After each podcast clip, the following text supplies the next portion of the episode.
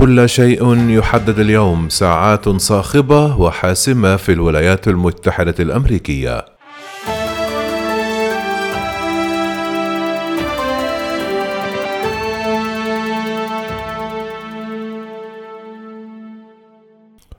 بعد ما يقرب من الشهرين على انتخابات الرئاسة المختلفة عن سابقتها وما تبعها من تجاذبات ونزالات سياسية يجد الأمريكيون أنفسهم من جديد مع يوم سياسي صاخب يصادق فيه على الرئيس الجديد المنتخب وتحدد فيه نتائج انتخابات جورجيا الأغلبية في مجلس الشيوخ الأمريكي.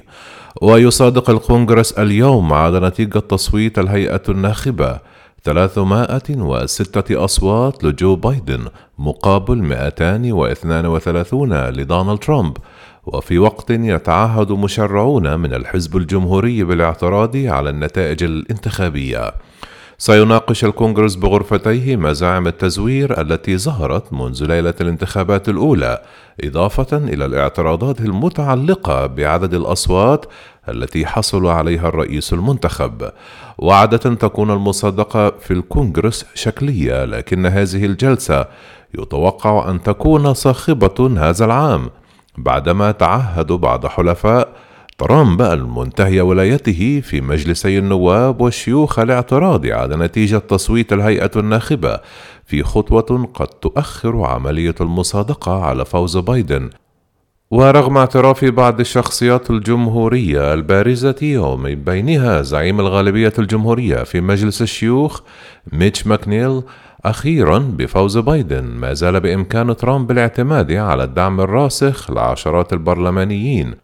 في مجلس النواب كما في مجلس الشيوخ وعد هؤلاء بالتعبير عن اعتراضهم الأربعاء وإعادة طرح مزاعم التزوير داخل مبنى الكابيتال.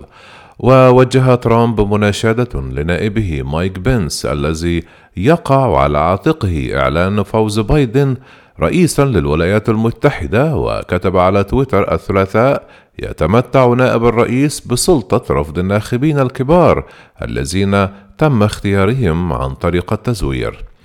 في الشارع بدأ أنصار ترامب التجمع في العاصمة رافعين رايات تحمل اسمه وأكد ترامب أنه سيتوجه بكلمة إلى المتظاهرين يوم الأربعاء من ساحة إلبس الواقعة في جنوب البيت الأبيض.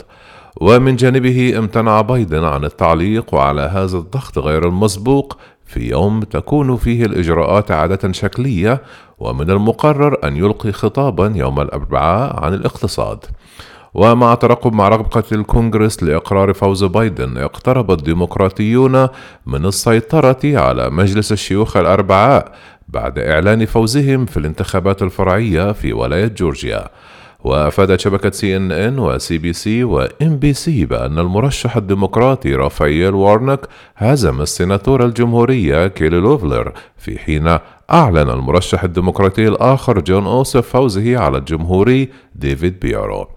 وإذا تم تأكيد فوز أوسوف البالغ 33 عاما فسيصبح أصغر سيناتور ديمقراطي منذ بايدن عام 1973 وبالتالي سيحصل الديمقراطيون على 50 مقعدا في مجلس الشيوخ وهو عدد مماثل للجمهوريين لكن كما ينص الدستور سيكون لنائبه الرئيس المستقبلي كمال هاريس سلطة تحديد الأصوات وبالتالي ترجيح كفة الميزان إلى الجانب الديمقراطي. وقال بايدن عن انتخابات جورجيا الفرعية كل شيء يحدد اليوم في إشارة إلى الحصول على الأغلبية في مجلس الشيوخ بعد أن حصل الديمقراطيون على الأغلبية في مجلس النواب وفازوا بالرئاسة.